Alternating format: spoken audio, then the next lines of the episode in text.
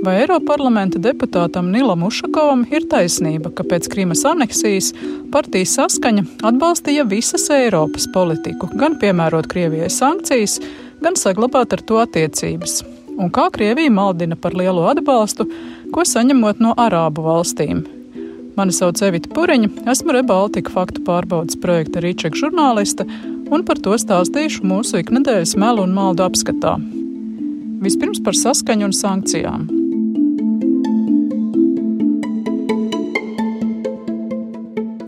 Aprīļa beigās Nils Ušakovs no saskaņas sniedza interviju portālam Delfi.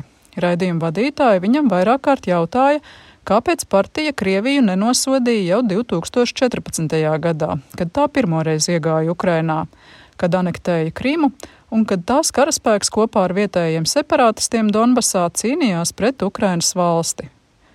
Ušakovs atzina, ka tā bija kļūda, taču skaidroja, ka partija tolaik esot atbalstījusi visas Eiropas politiku Viņš sacīja.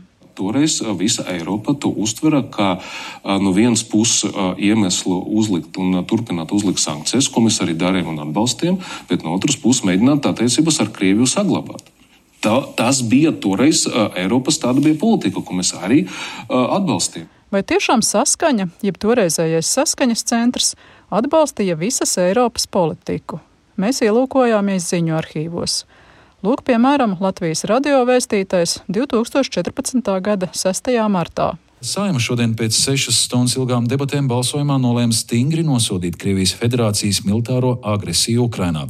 Paziņojumā Saima arī uzsver Latvijas nemainīgu atbalstu Ukrainas suverenitātei un teritoriālajai vienotībai, kā arī Ukrainas augstākās radas leģitīmajai varai.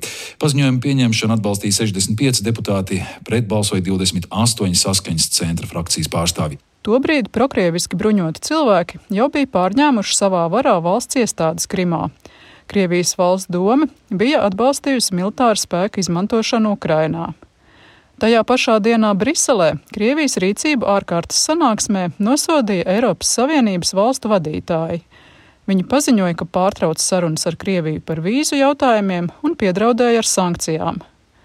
Kad Krievija Krimu bija anektējusi un tās karaspēks iegāja Austrum Ukrainā, Sankcijas vairākās kārtās arī tika ieviestas. Sākumā Eiropas Savienība noteica ieceļošanas aizliegumu un iesaldēja vairāk Krievijas amatpersonu līdzekļus. Vēlāk apturēja investīcijas anektētajā Krimā un pieņēma ierobežojumus attiecībā uz atsevišķām nozerēm. Krievija savukārt reaģēja ar pretsankcijām, galvenokārt apturot pārtikas preču importu no Eiropas Savienības valstīm. Ušakovs tolaik bija saskaņas centra valdes priekšsēdētājs. Tajā laikā viņš intervijās atteicās vērtēt, vai referendums Krimā bijis leģitīms un runāja par iespējamo vainu abās pusēs. Ušakovs arī atkārtot iestājās pret sankcijām. Piemēram, intervijā Latvijas Radio 4 2014. gada aprīlī viņš stāstīja, ka citu partiju politiķi par tām runājot tikai tāpēc, lai gūtu popularitāti pirms vēlēšanām. В Латвии, наоборот, Европарламент и выборы Сейма тоже логично, что сейчас... Latvijā Eiroparlamenta un Saimas vēlēšanas. Loģiski, ka daudz vieglāk pašlaik runāt par sankcijām pret Krieviju un militārā budžeta palielināšanu un tā tālāk, nekā runāt par ekonomiku un sociālajām lietām. Bet vienkārši nevajag šauri šā brīža partiju intereses stādīt augstāk par valsts interesēm. Intervijā TV Netušakovs toreiz teica, citēju, Ja mēs Krimas dēļ sabojāsim ekonomiskās saites ar Krieviju, būsim lielākie muļķi Eiropas Savienībā. Savukārt LNT 900 sekundēm tā paša gada augustā pauda, ka sankcijas pret Krieviju bija murgaina ideja. Ušakovs arī vēlāk savā Facebook rakstīja, ka valdība pārvilkusi krustu viņa vadītās Rīgas domas sāktajam Riškija Dvoriki, jeb Latvijas preču tirzniecības stendu projektam Maskavā. 2018. gadā pirms saimnes vēlēšanām partija jau pauda, ka atbalstot Eiropas Savienības un ASV politiku Ukrainā. Neraugoties uz to, saimnes deputāts un tagadējais partijas vadītājs Jānis Urbanovičs portāla Delfi priekšvēlēšana debatēs ar Jāni Domburu sacīja šādi. Sankcijas ir pamatotas? Sankcijas ir šī procesa neizbēgama fāze, kad tiek eksploatēts konflikts. Jo lielvaras gāja tīši uz tīšu. Ir pamatots vai ne? Es atvainojos. Saprotiet, uh, es paskaidroju, ka Ukrainas krīze neradās pašā Ukrainā. Viņa es tāda ir pamatots, jūs prāt, vai nav sankcijas? Es teicu, jūs dzirdat, kad es teicu, tā ir neizbēgama. šī scenārija sastāvdaļa. Bet tas Tāpēc, nav ir ne jā, ne nē. Tas ir neizbēgamība. Es uzskatu, ka tā ir muļķība. Muļķība, skaidrs. Tātad Ušakova teiktais, ka viņa partija jau pēc Krievijas ieiešanas Ukrainā 2014. gadā atbalstījusi visas Eiropas politiku, tostarp sankcijas, neatbilst patiesībai. Lūdzu viņam skaidrojumu, kāpēc tā laika nostāja tagad atstāsta šādi. Ušakova palīdze Iveta Sers rakstiski norādīja, ka atbilde būšot, taču deputāta aizņemtības dēļ tikai pēc piecām vai deviņām dienām. Tik tālu par attieksmes maiņu partijā saskaņa. Turpināšu par to, kā Krievijas propaganda melo par arābu valstu it kā prokrievisko noskaņojumu. Aizvadītajā nedēļā arī Latviju sociālajos medijos sasniedza kāds ļoti populārs, sākotnēji TikTok ievietots video. Šķietami ziņu sižets no Ukrainas, kurā žurnālisti iztaujā, kā pati saka, advokāti un sabiedrisko darbinieku Tatjanu Montjanu. Вы находитесь в Египте. Интересно было бы узнать, как там оценивают происходящие события. Вы с местными общались на эту тему? Žurnālisti jautā, vai Montjana ir runājusi ar eģiptiešiem par viņu attieksmi pret notiekošo. Конечно, общалась. В массе своей поддерживают Россию, в принципе, как и весь арабский мир. Protams, vairums šeit atbalsta Krieviju. Principā tāpat kā visa arābu pasaule. Tieši tāpat kā Saūdārābija, Emirāti un tā tālāk. Tik ļoti neieredz Ameriku, ka tikai gaida, kad tā būs tik tālu atslābinājusies, ka varēs to pasūtīt tālāk. Tīmeklī atrodams, ka Montjāna ir Krimā dzīvojoša politiķa, blogere, aktīva Kremļa politikas atbalstītāja. Savukārt portāls Ukraina RU, kurā sižets publicēts, ir daļa no Kremļa propagandas tīkla Russia Today.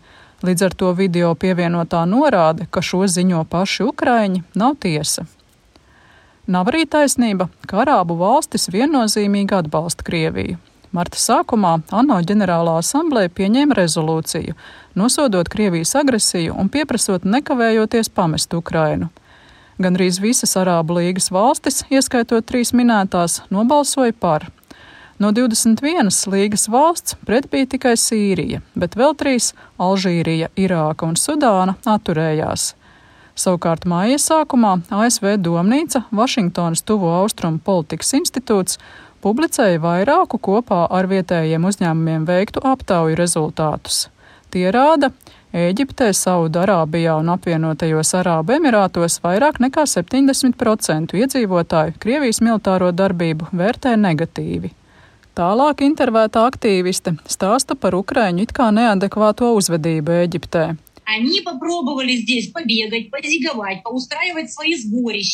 Viņi pamēģināja te paskraidīt, pazīmēties, sarīkot savas pulcēšanās.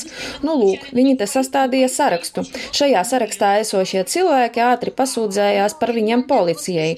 Policija viņiem kārtīgi sadeva un pateica, lai tik pamēģinot te taisīt nemierus. Sazinājāmies ar Eģiptes iekšlietu ministriju, kuras paspārnē ir policija. Ministrijas pārstāvis skaidroja, ka nav konstatēti ukraiņu bēgļu noziegumi vai kādi viņu sākti nemieri. Nesot arī fiksēti nekādi saraksti, kuros ukraiņi it kā atzīmējot Krievijas atbalstītājus. Esam jau stāstījuši, ka līdzīgas baumas par ukraiņiem, kas skaļi klaigājot, kaujoties un zogot, bez jebkādiem pierādījumiem tika izplatīts arī Moldovā, Polijā, Lietuvā. Par līdzīgiem stāstiem, kas visticamāk tiek koordinēti no Krievijas, ziņojuši arī citu Eiropas valstu faktu pārbaudītāji. Tas bija Rebaltika faktu pārbaudas projekta Rīčeka iknedēļas dezinformācijas apskats, kuru veidoju es, Evita Puriņa, kopā ar kolēģi Ronaldu Siliņu, speciāli Latvijas radio ziņu dienestam.